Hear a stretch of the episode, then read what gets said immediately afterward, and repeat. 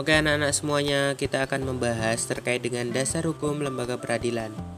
Sebelum kita memulai pada materinya, semoga anak-anak dalam keadaan sehat, lancar, semangat dalam belajar.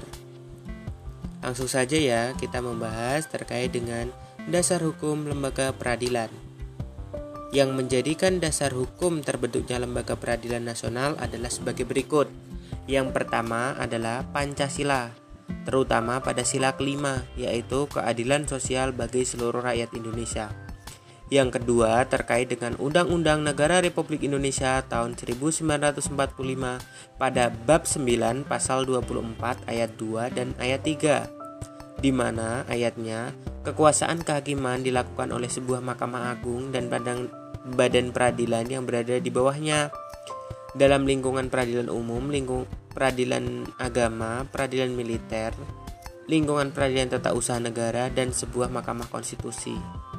Kemudian, badan-badan lain yang fungsinya berkaitan dengan kekuasaan kehakiman diatur dalam undang-undang, seperti Undang-Undang Republik Indonesia Nomor 3 Tahun 1997 tentang Peradilan Anak. Kemudian Undang-Undang Republik Indonesia Nomor 31 tahun 1997 tentang peradilan militer. Kemudian Undang-Undang Republik Indonesia Nomor 26 Tahun 2000 tentang Pengadilan HAM. Kemudian Undang-Undang Republik Indonesia Nomor 14 Tahun 2002 tentang Pengadilan Pajak. Kemudian ada Undang-Undang Republik Indonesia Nomor 24 Tahun 2003 tentang Mahkamah Konstitusi. Selanjutnya ada Undang-Undang Republik Indonesia Nomor 48 Tahun 2009 tentang Kekuasaan Kehakiman. Kemudian ada Undang-Undang Republik Indonesia Nomor 46 Tahun 2009 tentang Pengadilan Tindak Pidana Korupsi.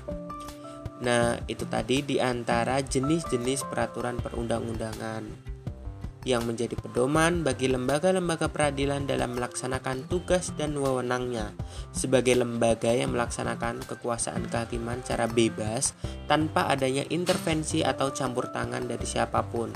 Nah, tugas kita adalah mengawasi kinerja dari lembaga-lembaga tersebut serta memberikan masukan jika dalam kinerjanya ada terjadi penyelewengan. Nah, itu tadi terkait dengan dasar hukum lembaga peradilan. Semoga anak-anak selalu paham terkait dengan dasar hukum lembaga peradilan. Untuk materi lebih lanjut, anak-anak dapat mendengarkan podcast selanjutnya. Sampai jumpa anak-anak. Sampai jumpa di dalam podcast selanjutnya.